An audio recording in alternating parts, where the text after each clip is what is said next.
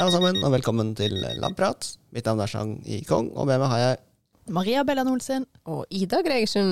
Og vi sender fra Institutt for indremedisinsk forskning ved Oslo universitetssykehus, Rikshospitalet. Eh, godt nyttår, litt sånn på etterskudd, er det Jo. lov å si det? Ja. I hvert fall til lytterne må vi si det. da. Godt nyttår, ja. Ja, det har jo eh, tatt litt tid før vi har klart å komme oss eh, i studio og samlet oss. Ja, har det vært litt å gjøre? Det Det har har det. vært helt ekstremt mye å gjøre sånn før jul og rett etter eh, Ja. nyttår. Og så er det jo eh, må si, studio og studio. Vi er jo på et provisorisk studio eh, igjen, får vi si. Ja. Vi sitter da på mitt kontor, som jeg egentlig da låner av Bente, sjefen vår, som er på utveksling i USA et år. Så Ja. det er jo et stort og fint kontor sånn relativt sett, men et litt lite studio, kan man kanskje si. Ja, Ja. litt trangt er det. Ja. Men det er, eh, jeg er glad for å se at det er omtrent like rotete som mitt kontor. Det er ikke alt som er mitt, men jeg har klart å rote det ganske godt til, ja. Ja.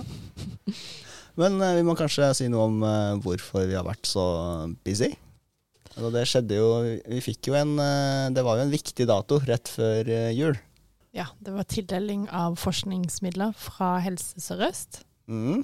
Det er jo en, vi har snakket om det før òg. Sånne dager eh, kommer jo med litt blandede følelser. Ja, det er en sånn spent dag på instituttet, fordi det er så mange her som går og venter på um, den tildelinga, for å vite om de har fått penger eller ikke. Mm. Og for noen så kan det være snakk om eh, veldig kort tid, Um, eller de har kort tid igjen med midlene de sitter på. Mm. Så uh, vi har jo Vi hadde jo da noen som kanskje bare hadde en uke igjen med jobb, og ikke Mm. visste om de Hadde jobb etter, etter jul eller ikke. mm. Nei, som du sier, Mari, så var det jo Det var jo i hvert fall én kollega her som eh, ikke fikk fortsette etter eh, nyttår. Mm. Og det var jo rart å komme tilbake etter nyttår og se at eh, hennes navn var eh, borte fra døra. Mm. Men da, et par dager seinere så har det da flytta inn en annen kollega. For det er jo manko på kontorplass, og en ledig kontorplass blir jo delt Mm. ut Ja. relativt kjapt. Mm. Og det er jo ganske brutalt, egentlig. Det er det. Absolutt. Veldig, det var veldig trist. Så nei, det er jo sånn, ja. At vi har jo da ofte egentlig Det er jo to store Mm. eh, kilder, eller gåseøyne, vi får eh, eksterne midler fra, som er mesteparten av det vi finansieres eh, av, egentlig. Og det er da Helse Sør-Øst og Forskningsrådet, da. Mm. Så er det jo da den, ja, rett før jul, eh, var det 19. desember? Ja. Så man da får vite svaret på den Helse Sør-Øst-søknadene, da. Så Mm. hadde vi jo ganske mange inne fra instituttet, og mange fikk, men det var jo da, ja, noen som også ikke fikk, og for noen var det da helt, oppe å si, kritisk for den jobben de hadde her, da. Mm. Så var det noen som sto på venteliste for instituttet her, Mm. og de fikk vel beskjed for en ukes tid siden om at eh, ja, de fikk midler de òg. Mm. Så de var lei seg i jula og glad igjen nå. Ja. Det var en veldig fin sånn overraskelse etterpå. ja, Ja. det var veldig bra. Nei, så det var jo veldig mye positivt nytt, men det var, ja, sånn som vi sa innledningsvis, tosidig da. Mm, absolutt. Men når man får, eh, hvis man får eh, avslag på sine søknader, Mm. eh, får man bare blankt eh, nei, eller kommer det med en forklaring, eller altså, hva får man egentlig som svar? Ja, det varierer litt. Um, jeg hadde jo en søknad inne fra Helse Sør-Øst um, som jeg ikke fikk penger på. Da får man først eh, beskjed om at man ikke har fått, bare sånn kort. Um, og så får man eh, det, Sånn det ofte er, jeg tror også det varierer litt, jeg er litt usikker. Men sånn det ofte er, er at man får tilbakemelding um, altså kommentarer på de ulike delene, for man skal på en måte svare ut forskjellige ting. Det er jo en veldig streng mal, ikke sant. Og så skal man score, da, som man sier. Jeg tror det er ofte score liksom, typ fra én til seks. Det varierer også fra forskjellige Mm. institusjoner. Um, eller én til syv, ja. Men um, på de ulike delene, ikke sant. Og så får man ikke noe tilbakemelding hvis man får penger. For da er det på en måte bra nok. Så da får man ofte ikke kommentarer og sånn 'det var den som var kjempebra', eller 'den som var bra'. Men hvis man får avslag, så, så får man en score. Eh, Men jeg fikk da mail nå i går faktisk eh, om at eh, min score var såpass lav at jeg ikke engang fikk kommentarer. Så det var litt nedtur, da. Og det som på en måte er også litt synd, er at det hadde i hvert fall vært fint å på en måte fått karakter på de ulike delene, for nå vet jeg på en måte ikke hvilken del av søknaden de ikke syntes var bra nok. Mm. Om det var altså, det traff ikke utlysningen, også, for Helse Sør-Øst, som jeg kanskje mistenker litt, at de har en litt mer sånn klinisk retta på en måte um, utlysning. Og det er jo med rette, selvfølgelig, for det er jo helseforetak. Men at, og vi driver jo med translasjonsforskning, så det er jo også klinikk der. Men at kanskje min prosjektsøknad nå var litt for basal, altså litt for mye grunnforskning og musestudier og sånn, og at ikke det liksom slo an. Eh, Og det hadde jo vært fint å vite om det var den biten da, som på en måte gjorde det, eller om de bare generelt syntes at det var dårlig. For det er det man litt sitter igjen med når man får beskjed om at sånn, ah, ja, nei, den var under middels, liksom, eller under mediankarakteren, tror jeg det sto. Ja. Altså under snittet på et vis, da. Um, så da har den liksom ikke gått videre til vurdering. Mm. Ja. Men hvor lang tid vil du estimere at du har brukt på denne søknaden? Um, det dette var en, basert på en annen søknad jeg har brukt før. Så det gjør vi jo ofte, da. Ikke sant? At jeg har, eh, har et prosjekt, og så har jeg søkt penger til det. Og så videreutvikler jeg med den søknaden hvis man f.eks. har fått avslag et annet sted. Så, men jeg brukte nok eh, noen uker, altså. Mm. I andre runde nå, liksom. Ja, i andre runde. Ja, Mm. det vil jeg tro. Så til sammen har du brukt mer tid. Ja, ja, ja. ja. Og nå sitter du jo også og jobber med søknad, for nå er det Ja. Norsk forskningsråd. Nå er det Forskningsrådet som har sin utlysning, så nå skriver vi Det er et helt annet tema igjen, så nå har vi på en måte begynt på nytt. Og det krever jo veldig mye jobb, så det har jeg jo nå holdt på med i ja, Jeg har ikke helt oversikt, men eh, nesten liksom 100% i flere uker allerede, da. Og Mm. det er fortsatt en stund til fristen, så det er veldig tidskrevende. Men eh, det er jo en veldig viktig del av jobben vår også, fordi man får jo virkelig tenkt gjennom prosjektene og Mm. jobba grundig med det, da. Men, eh, men ja, det er litt sånn det er en sånn ambivalent følelse når man på en måte ikke får, selvfølgelig. Men alle kan jo ikke få heller. Men ja. Selvfølgelig ikke, men jeg bare tenker på hvor mye av året Mm. du får faktisk bruke på å søke forskningsmidler, ja. og hvor mye tid det da blir igjen til Mm. forskning på de, eh, de midlene du allerede har fått. da. Ja, det kan For det stjeler jo av den tida. Ja, absolutt. Mye. Men nå jobber jeg kanskje over i snittet mye med søknader, da. Det er jo ikke alle som gjør, gjør like mye. Vi har på en måte arbeidsfordeling litt sånn i gruppen på det. Men eh, ja, ja, jeg, det blir jo Jeg må jo sette på en måte forskningen litt til side, da, for å jobbe med søknader. Du er jævlig god på det da, da. Ja. Kanskje... Du syns ikke denne runda, forrige runda, men Nei. nei da. Ja da, det, det, det har gått bra noen ganger, da, så det er jo gøy. Men um, det, det er veldig stor konkurranse, da, ikke sant. Så Mm. mm. Ja, så vi har jo hatt eh, etter nyttår òg en eh, del søknadsfrister å forholde oss til. Mm. Eh, og da kommer vi kanskje inn på den lille infotainment-biten vi må komme med. ja, vi har jo slitt med å få tid til pod. Absolutt. eh, siden ja, før jul og siden nyttår. Og så har vi kanskje planlagt pod, men så har noen blitt syke, eller noen barn blitt syke, og så har det ikke blitt pod likevel. Ja. Så det har vært eh, Ja, vi har vel innsett at uh, vi må sende um, episode med litt lengre mellomrom. Mm. Mm. Så heretter så blir podden sluppet én gang i måneden. Ja. Og vi tenker vi holder oss til torsdager, så da blir det første torsdag hver måned. Mm. Eh, Men sånn i mellomtida så eh, er det jo alltid, dukker det opp litt nye tema. Det er eh, av og til aktuelle ting som dukker opp, som vi sikkert kommer til å prøve å hive oss på. Så da kommer det nok også en del bonusepisoder sånn imellom, da. Ja, du kan love det, Sjang, men vi får se. En, eh, en optimistisk lovnad, og så får vi se åssen det går. Men eh, nå har vi jo vært gjennom eh, en julefeiring Mhm. med overflod av mat og diverse. Og det er en typisk, altså hver jul Ja. så snakker vi om den ene uka Ja. Og vi spiser så himla mye mat. Mm. Uh, og vi tenkte vel at eh, det var en fin inngang til eh, episodens tema.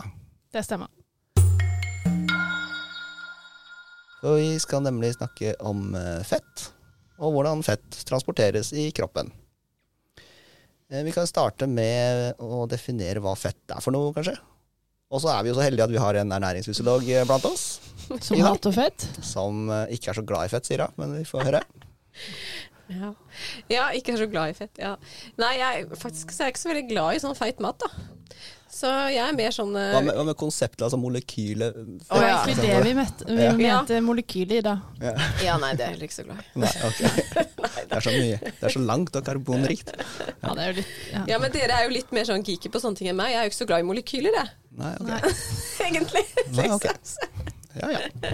Men uh, vi har jo altså, Folk flest har jo et forhold til, til fett. Ja. Man, man hører jo mye Altså fett er et sånt Mm. Uh, overordna begrep for én substans, Ja. på en måte.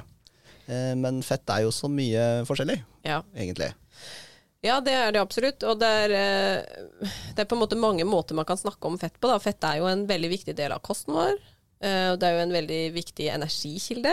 Ikke sant? Det og det er veldig viktig, har mange viktige funksjoner i kroppen, som vi sikkert kommer litt inn på etter hvert, som gjør at um, Fett har jo kanskje noen ganger fått litt ufortjent rykte. Ikke sant? Sånn, Mm. å, fett, og så er det liksom sånn Å, det er mye energi, ikke sant. Hvis man tenker på eh, ja, overvekt og fedme og sånne type ting. Um, men fett er jo helt essensielt. Altså vi trenger det. Kroppen vår trenger tilskudd av fett. Uh, men så fins det jo forskjellige typer fett. Mm. Så det er sånn klassisk man sier sånn Det er ikke ett fett. Uh, og det er litt sånn teit, men, men det er jo helt sant, da. Så uh, ja, fett er veldig mange ting. Vi kan jo starte med den minste liksom, byggesteinen til, til fett. da.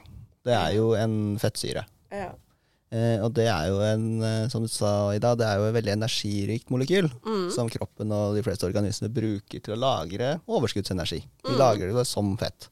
Mm. Samtidig så er jo fett en del av eh, den strukturelle biten av eh, våre celler og, og kroppen da generelt. Mm.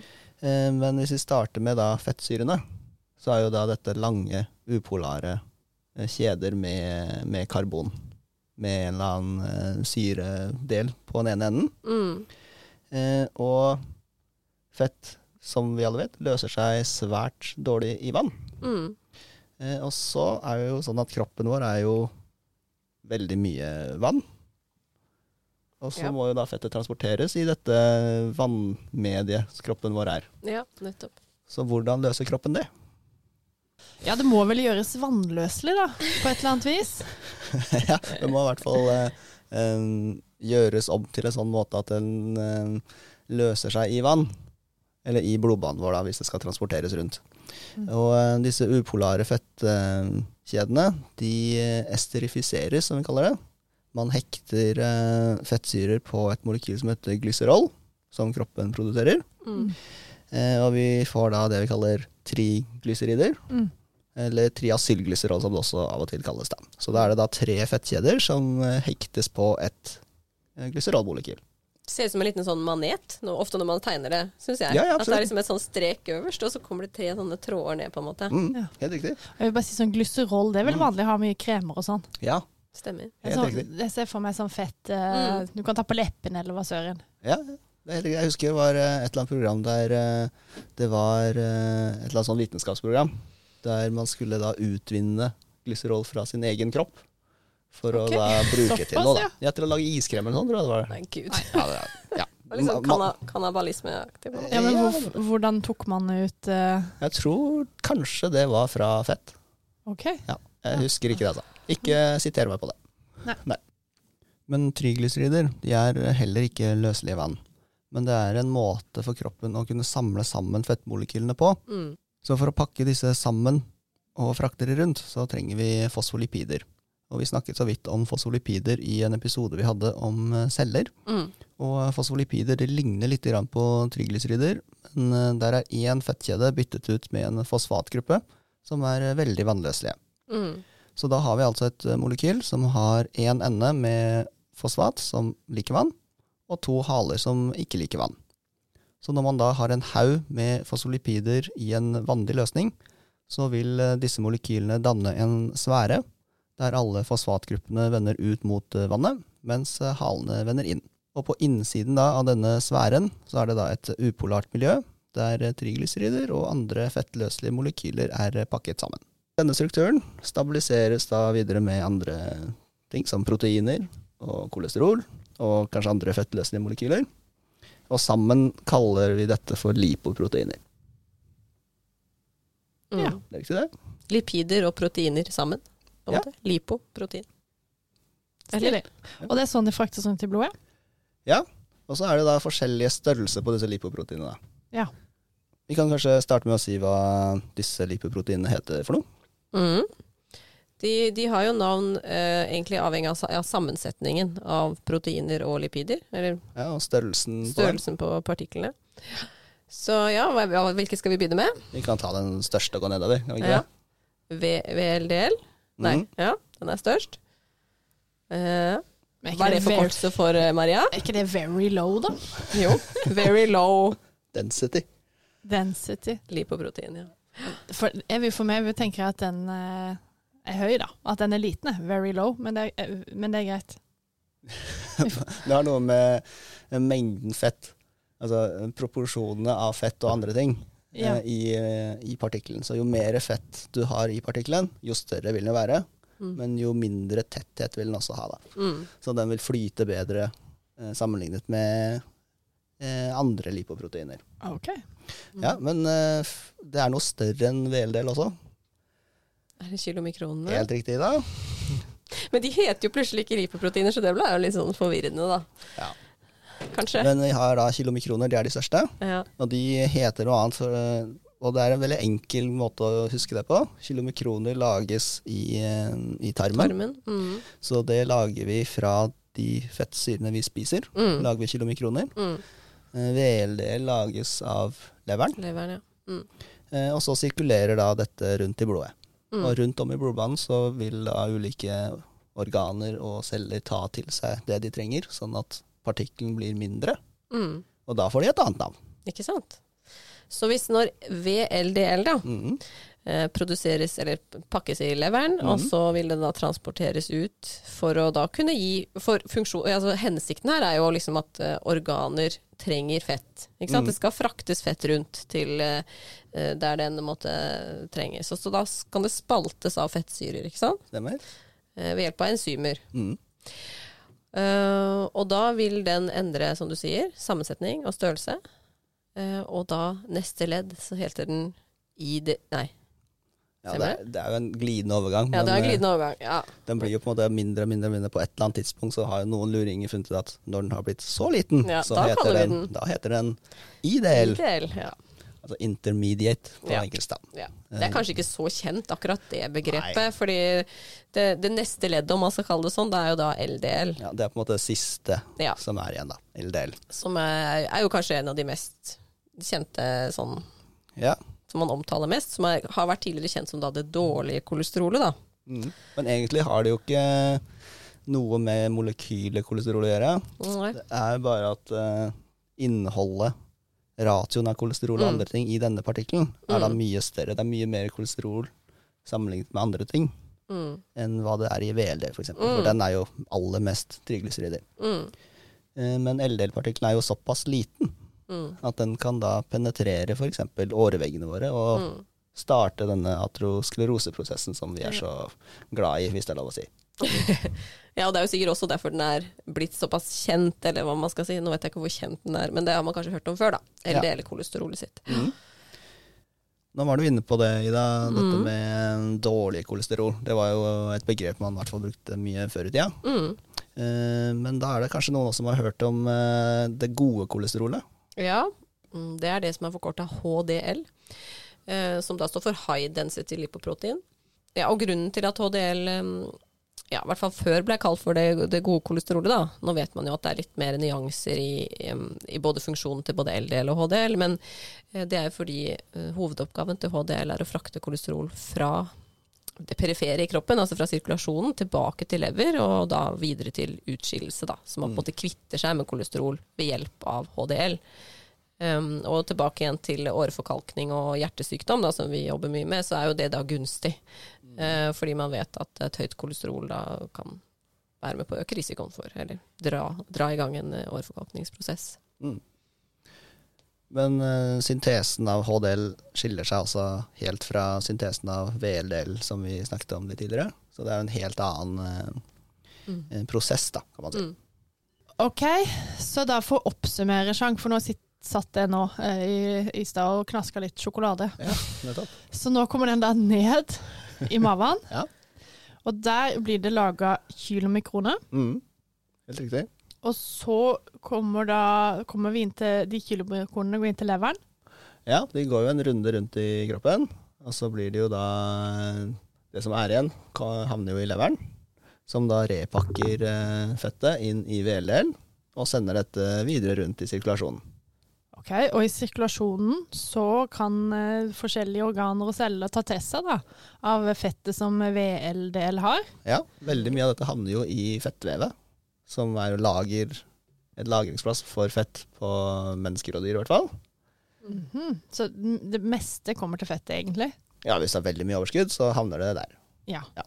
Og så helt til slutt, da, når du har fått tatt alt det fettet du var interessert i å ta, så går den da LDL-partikkelen, som det har blitt nå, Mhm, da går den tilbake til levra igjen. Helt riktig. Mhm. Det kan brukes eh, på nytt, eller Ja. sirkuleres der, da. Og Og ved- opp. Nettopp. Og ved behov, hvis kroppen eh, finner ut at nå trenger jeg mer energi til å sirkulere rundt, så vil det da skje en eh, det vi kaller lipolyse, altså frigjøring av fett fra fettvevet. Ja. Dette fettet vil da transporteres til leveren. Leveren tar det opp og pakker det inn i VLL igjen, Mm. og sender det ut i en ny syklus. Mm. Men da må jeg bare spørre, hvordan kan dette reise Reiser det fra fettet til leveren bare som frie fettsyrer, da? Ja, det kan det gjøre. Selv om det egentlig ikke liker det? Ja, da har vi spesialiserte protein i eh, sirkulasjonen, som heter albumin, blant annet, som fester seg til eh, fettsyrene, og sørger for at de kan transporteres i en vanlig løsning. Ok, så beskytter de litt, da, eller fra Helt riktig. Mm. Så det første scenarioet vi på en måte snakka om når det kommer fra tarmen, det er jo etter vi har spist. Ja. Ikke sant? Og så i det andre scenarioet du sier at ved behov kan det frigis fra fettet, det er jo da ofte hvis det er lenge siden vi har spist, eller hvis vi faster, Ja. eller hvis vi trener hardt, mm. eller ja. Der vi trenger tilførsel av energi, da. Mm. Ja, for hvis vi skal være sånn kjapt, så, så vi bruker vel ikke fettlagrene først? Ved faste, tenker du på? Ja, eller generelt når vi skal bruke energi, så vil vi vel kanskje bruke først eh, Sukker. Man bruker eh, glykogenlagrene i leveren aller først. Eh, og så begynner man å bryte ned andre ting, som eh, proteiner og fett. Ja. Så dette var jo raskt og gæli om eh, fettransport. Ja, men det er alltid deilig med en oppsummering. Ja. Men jeg jeg tenkte at det var på tide å hoppe over til uh, det som vi er uh, aller mest interessert i, kanskje. Det er jo forskningen på, eh, på fett. Mm. Og snakke litt om hvorfor vi er interessert i eh, fett, fettransport, i eh, vår forskning. Mm. Ja, ja, fett eh, driver vi jo ganske mye med, på, på å si både direkte og indirekte. Men eh, det er jo, som vi har nevnt, da, at um, fett og fettpartikler er jo involvert i mange sykdommer. F.eks. for Mm. da åreforkalkning og hjertesykdom. Ved at det f.eks. eksempel da LDL kan eh, trekke inn i åreveggen og kludre det til der. Eh, sånn at det blir utvikling av atrosklerotiske plakk, som igjen kan øke risiko for ja, hjerteinfarkt f.eks. Mm. Eh, det har vi vel snakket om i en tidligere episode. Og så er jo også eh, fett, altså fett i fettvevet er jo én ting. Eh, det kan jo også på en måte være um, assosiert med sykdom hvis det blir for mye av det. Mm. Uh, hvis man uh, får for store fettlagre, altså fedme. Uh, og også hvis man får lagring da av fett andre steder enn der fett vanligvis lagres. Mm. Um, F.eks. i lever. Mm. Um, eller i Bukspyttkjertelen kan du Ja, få. for eksempel. Eller rundt organer som hjerte og sånt. Kan Nett. du jo få lagra mye fett. Ja. Det har jo vært en del eh, Det har vært et begrep som har vært i media eh, for en stund siden. Noe som heter tynnfeit, har du hørt det? Ja, ja hørt det. Det er jo, sånn jeg har forstått det, det er jo da opphoping av fett eh, rundt de indre organer, Mm. som på en måte ikke nødvendigvis syns eh, På utsiden. på utsida. Mm. Eh, Det er jo da et fettvev som er veldig ugunstig, da, med tanke Mm. på um, metabolske sykdommer og helse Mm. generelt. Ja, nettopp. Ja. For vi er jo også en, ting, en grunn til at vi er interessert i fettvevet, fordi det skjer så mye spennende ja. i det. Altså Mm. det er eh, Ja, det er mange immunceller som kommer inn der, og de snakker Mm. med hverandre, og det skjer mye. Og det, Mm. det er jo fortsatt ganske mye vi ikke vet. Mm. Og da blir jo vi gira. Absolutt. Ja, ba, ja, jeg vil si sånn overordna bakgrunnen er jo det at ja, fett er fett, og særlig overflod eller feil lagring av fett, eller feilplassering av fett inni kroppen, da, det er assosiert med livsstilssykdom, som vi på en måte Det er primært det vi jobber med, da, egentlig. Også som du sier, Maria, er fett og immunforsvaret, de, eh, sams, altså det samspillet mellom fett og immunforsvaret da, står veldig sentralt i utviklingen av disse sykdommene. Så det er jo noe vi jobber mye med å prøve å forstå. Mm. Ja, det finnes jo veldig mange typer, eh, mange forskjellige typer av fettmolekyler. Mm. Eh, og det er vel visst at det er noen typer fettmolekyler som har en, en gunstig effekt på f.eks. immunforsvaret. Mm. Eller at det kan påvirke immunforsvaret, immunceller, på en, God måte, ja. på en god måte. Ja, vi, eh, ja, vi er er med på et studie hvor vi ser på noe som kalles resolviner. Mm. Mm. Noe man har sett med de resolvinene, at de er veldig viktige for å kunne klare å avslutte en immunrespons. Så Mhm. hvis du har fått satt i gang en um, et betennelsesreaksjon, så vil du jo gjerne at den skal avsluttes. Mm. Og da er de her fettsyrene de kan være veldig viktige for at eh, cellene forstår at OK, nå skal vi faktisk avslutte det her. Mm. Ja, og det er veldig sånn fascinerende, for apropos det vi sa helt i starten med at fett kan ha mange forskjellige roller, så er jo sikkert det noe som veldig mange ikke vet om, da, at de også er, på en måte, er viktig for immunforsvaret vårt. Uh, og man visste jo, eller man trodde jo egentlig helt til ganske nylig, tror ikke det er mer enn i hvert fall ti år siden, at det ble i hvert fall allmenn kjent dette med eh, resolusjon, det er litt sånn dårlig norsk ord, men at man trodde jo før kanskje at en immunrespons bare på en måte dabba av av seg selv. Sånn du fikk på en måte en reaksjon, og så grodde et sår eller betennelsen Altså bakteriene ble borte, og da slutta på en måte kroppens immunforsvar å reagere. Men nå vet man at dette er en veldig sånn aktiv prosess som styres av helt konkrete mekanismer. At nå på en måte er faren borte. Da bestemmer kroppen seg for å slutte immunresponsen, ikke sant. Mm. Og der er de helt sentrale, da. Mm. Så det er veldig kult.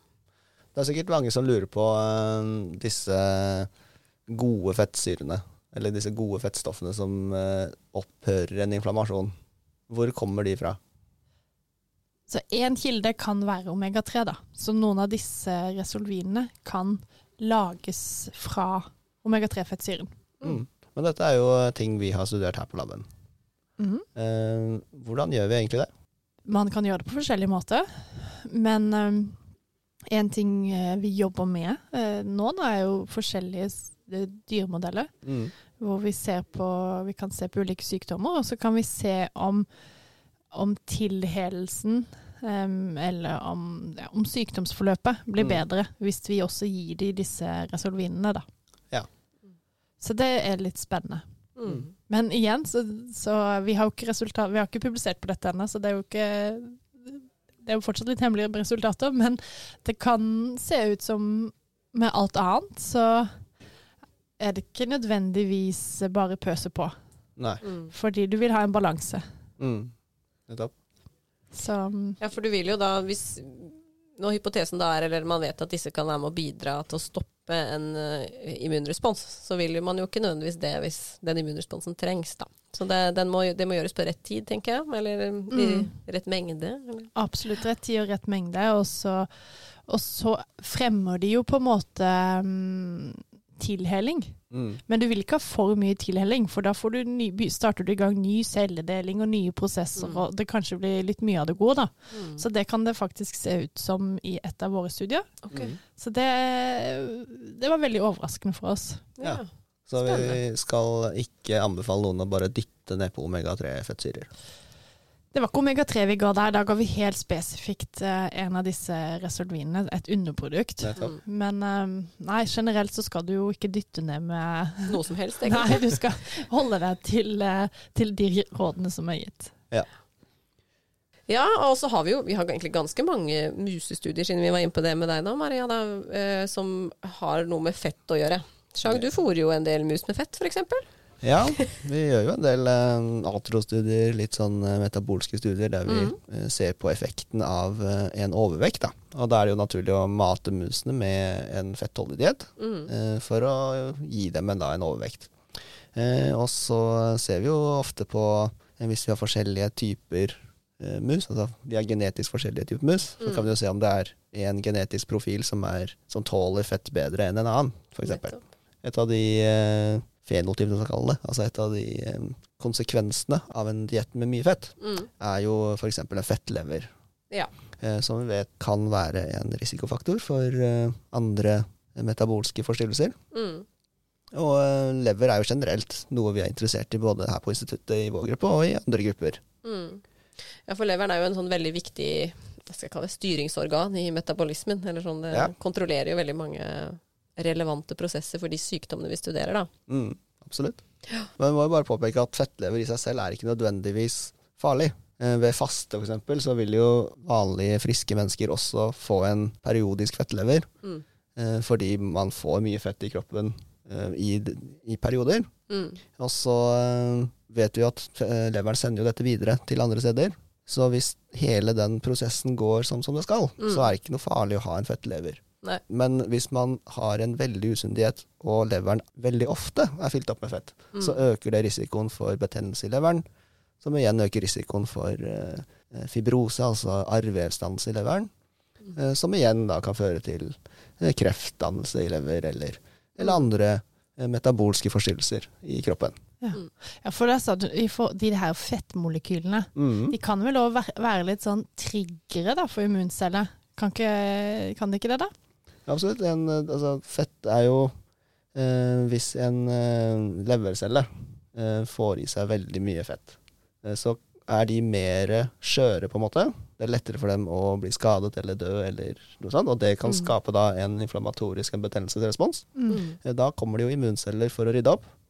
Men det de rydder opp, er jo både døde celler, men også det fettet de cellene har spist. Mm. Eh, og så vet jo vi at eh, immunceller som spiser mye fett, skiller ut igjen mer betennelse for Mm. å trekke til seg andre immunceller. Så den betennelsesresponsen blir kanskje sterkere da, når Mm. det er mye fett i stedet. Ja. Det er jo litt også de mekanismene man ser i en atroskleroseutvikling, da, at eh, immuncellene kommer for å rydde opp det LDL-et som har trukket inn, og det fettet og kolesterolet som er i åreveggen. Så spiser de fett, og så blir de på en måte litt sånn eh, ja, over, eh, overveldet på en måte, Mm. av alt det fettet de spiser, og på en måte spør om hjelp fra andre immunceller via signaler de sender ut. da. Og så blir det en sånn ond sirkel der de blir fanga der inne, og de dør og aktiverer hverandre, og så får man en sånn massiv betennelse inni åreveggen. da. Mm. Så igjen det samspillet mellom ja, immunceller og fett. Ja. Men det, altså, må vi huske på at det er jo ikke alle som får problemer med, med fedme, eh, som bringer oss inn på det begrepet som heter metabolsk friske overvektige. Ja. For det er jo en gruppe mennesker som eh, til tross for en høy BMI, da, som er det man definerer fedme ut ifra, Mm. eh, ser ut til å ha veldig gode metabolske parametere. Altså det ser ut som de er veldig eh, friske sånn metabolsk Mm, sett, selv ja. om de på en BMI-skala er overvektige. Mm. Og det er jo noe vi også har vært interessert i, å vite hva er det som skiller fettvevet for eksempel, fra disse menneskene fra andre Mm. mennesker som har en mer usunn eh, metabolsk profil. Mm. Ja, absolutt. Og det er jo klart at det er jo viktig å, på en måte vite hvilke mekanismer som styrer det. Da. Fordi hvis man tåler en fedme eller en overvekt bedre, eh, eller hvorfor man tåler en fedme eller overvekt bedre enn andre, fordi eh, da er det kanskje ikke like farlig da, å være um, overvektig.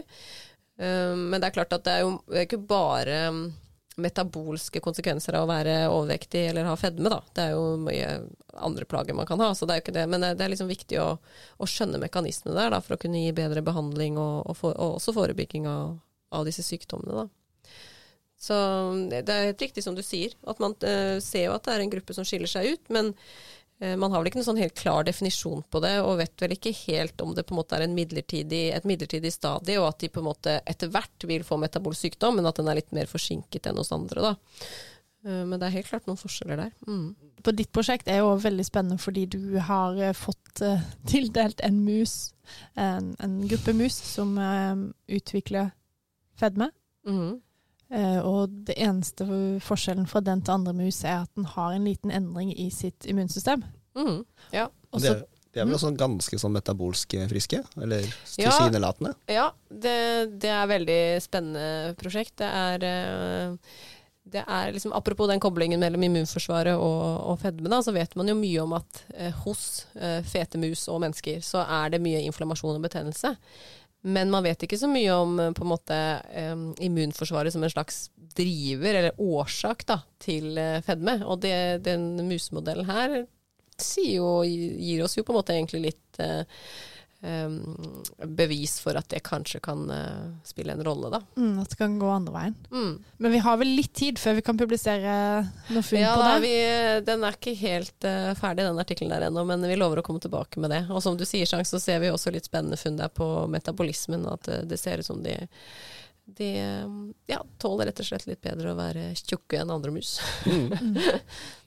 Men når vi har en sånn musemodell, eller vi får en biopsi, eller vi tar en blodprøve fra en pasient, Mm. hvordan eh, forsker vi videre på det på laben? Ja, det er jo mange måter å gjøre det på. Eh, Vi, eh, ja, når vi har musemodeller, og det gjør man jo for så vidt hos pasienter òg, og det er jo ganske vanlig, jeg tipper at veldig mange har gjort hos legen, når han måler eh, fettstoffer i blodet sitt, altså særlig kolesterol da. Mm.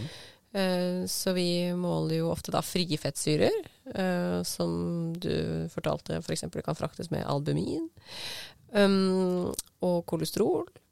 Og, og se på en måte om det, det er noen forskjeller der eh, på de musemodellene vi har. Så ser vi jo på lever på mange forskjellige måter. Vi ser ofte på fettinnholdet i lever. Det, det, kan, det er jo det du er bedre til å forklare det, Sjang, hvordan man studerer leveren eh, med tanke på fett. Men eh, vi kan jo både se på bilder, eh, altså vi tar snitt av den og, og, og farger og ser på i mikroskop. Mm. Eh, men vi kan jo også måle totalt fett i leveren. Mm. Hvordan gjør vi det?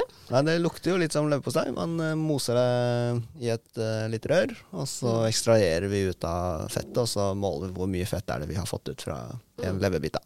Mm. Eh, I hvert fall eh, sånn vi gjør det på laben. Mm. Eh, Og så nevnte du også sånn histologi, altså leversnitt eller vevsnitt. Mm. Der har jo vi gjort en del sånne histouker, Maria. Der Ja vi, vi koser oss med, og så da kan vi jo se på hvilke immunceller som Mm. sitter mellom fettcellene der, og Mm. se på andre ting da, Ja. i ser- mikroskopet. det skjer jo innimellom at vi ser en immuncelle som er i ferd med å spise en fettcelle, f.eks. Ja, det er litt stilig. Det er ganske, ganske pent, det. Mm. Eh, Og så gjør vi jo andre målinger som genuttrykk og, Mm. og litt sånne ting. Ja, og sånn som med, tanke, altså sånn med genuttrykk, da, der, der kan vi jo se om ja, ulike prosesser som er involvert i fettransport, fettlagring, ja, disse tingene som har med, med fett å gjøre, er f.eks. oppregulert eller nedregulert i modellen vår. Da. Mm. Så det er jo viktig at vi, ja, vi må på en måte danne oss et totalbilde. Mm. Ja. Og så kan vi se på fettvevet, mm, fordi eh, det har vi ikke nevnt, men man har jo forskjellig type fettvev. ja. Mm. Men han, man har hvitt vev, hvitt fettvev, Mm, eh, man har brunt fettvev, og så har vi vel noe i midten. Mm. Mm. Det kalles beige. Beige fettvev. ja.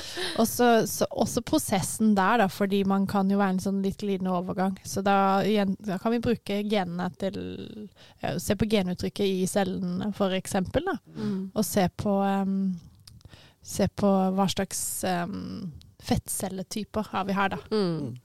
For det hvite fettcellet er jo det klassiske fettet, kanskje, som folk eh, har hørt om før. Altså det brune fettet er viktig for eh, å holde varmen, eller produsere varme. Mm. Um, og voksne men mennesker har vel ikke noe særlig egentlig av det, eller hvordan er det?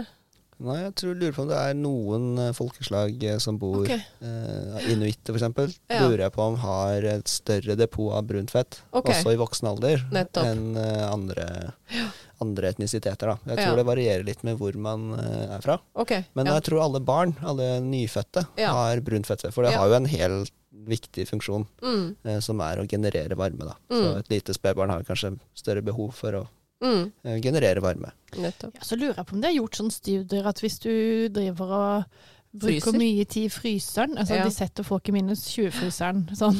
Ja.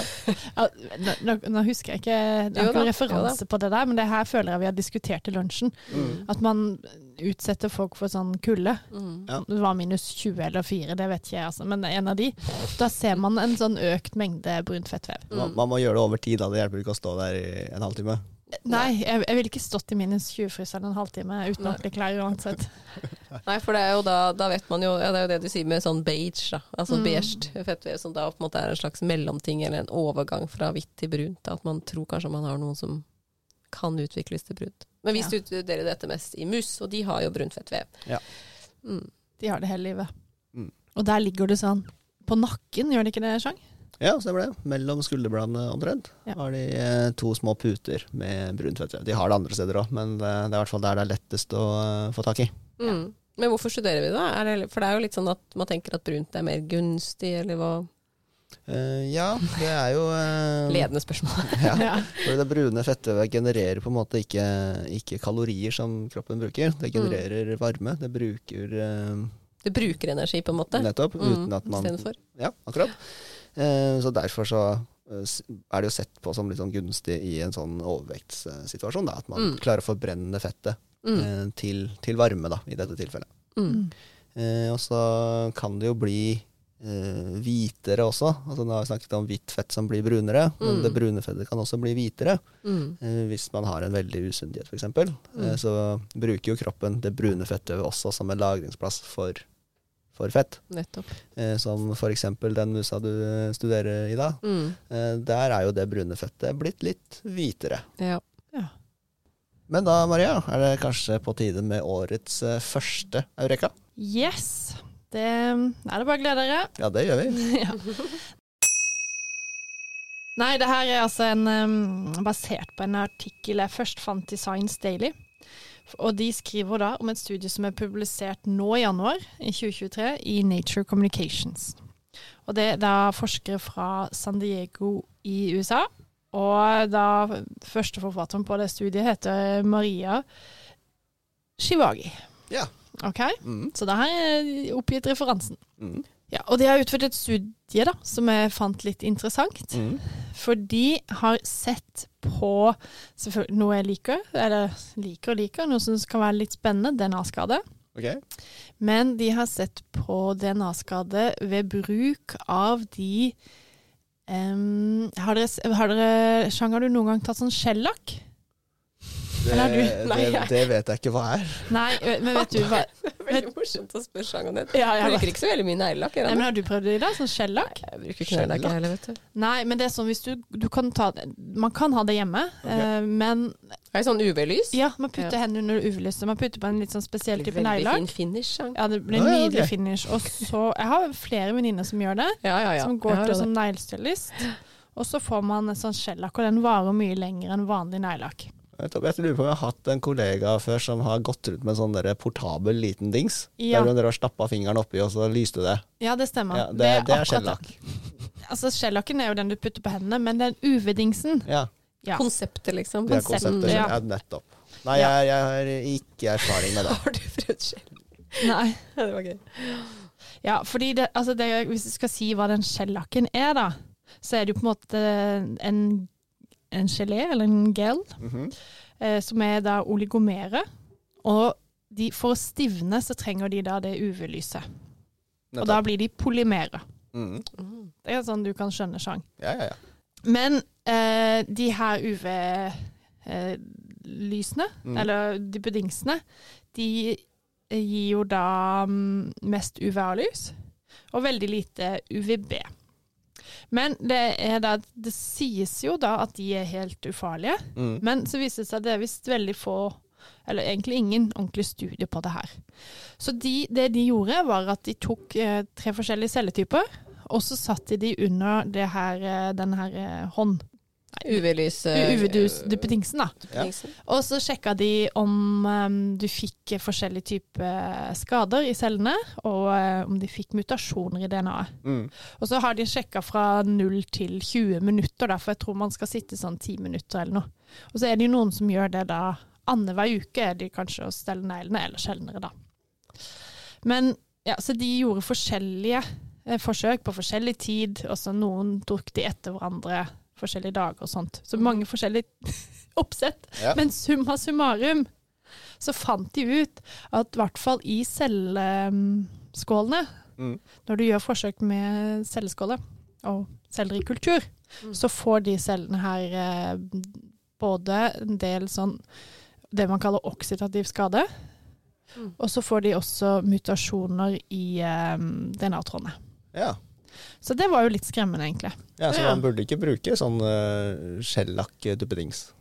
Eh, altså, igjen så er dette et studie gjort på celler, så man har jo ikke sett det på huden på mennesker, men Mm. det står eller de, de nevner at det, det har kommet en del, eh, eller noen rapporter om eh, økt hudkreft og litt sånn rare hudkrefttyper rapportert av, fra folk som har brukt mye av de her, da.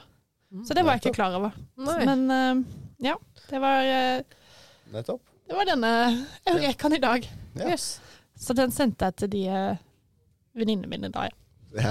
For å informere dem. jeg, jeg må spørre om disse, denne UV-dingsen. Mm. Det er bare UV-lys ovenfra, altså der hvor neglelakken skal være. Det er ikke noe unnenfra. på en måte. Nei, nei, det kommer det, Ja. Ja. Du putter Ja. Men du får jo på en måte inn. hele fingeren. Du har jo hele fingeren inni, fingertuppen inni der, da. Ja. Så du får det jo på en måte ikke Det kommer jo ikke bare på neglen. Nei, men burde man da smøre solkrem oh, ja, sånn, ja. fram til fingerneglen, og så lakken, og så putte inni? Er det en løsning? Eller, eller? Kanskje, ja, det kan godt være det, Sjang. At det er en Ja. løsning. Ja, se der. Enkel løsning på et Mm. uh, Eller bare ha sånn slags uh, Du kan dekke til, liksom, da. Resten, og så kan neglene stikke ut. mm, Ja, kjempe. Ja, altså, dere har er løsninger på det meste, dere. businessidé, det her. Kjempe. Ja, men det er spennende, Maria. Ja, tusen takk, Maria, for en veldig fin eureka. Mm -hmm. Og med det så skal vi takke for oss. Men før vi går videre, må vi kanskje minne våre lyttere om at dere må følge oss. Mm. Nå er vi jo tilbake på Instagram, Facebook og på Twitter. Ja. Og så blir vi veldig glade hvis dere gir oss en rangering når dere hører på oss, sånn at enda flere kan finne vår podkast. Men da skal vi kanskje på eh, laben igjen. Komme oss ut av kontoret ditt i dag. Ja, gjør det, for jeg skal skrive. Ok, men da høres vi. ok, ha det. Ha det.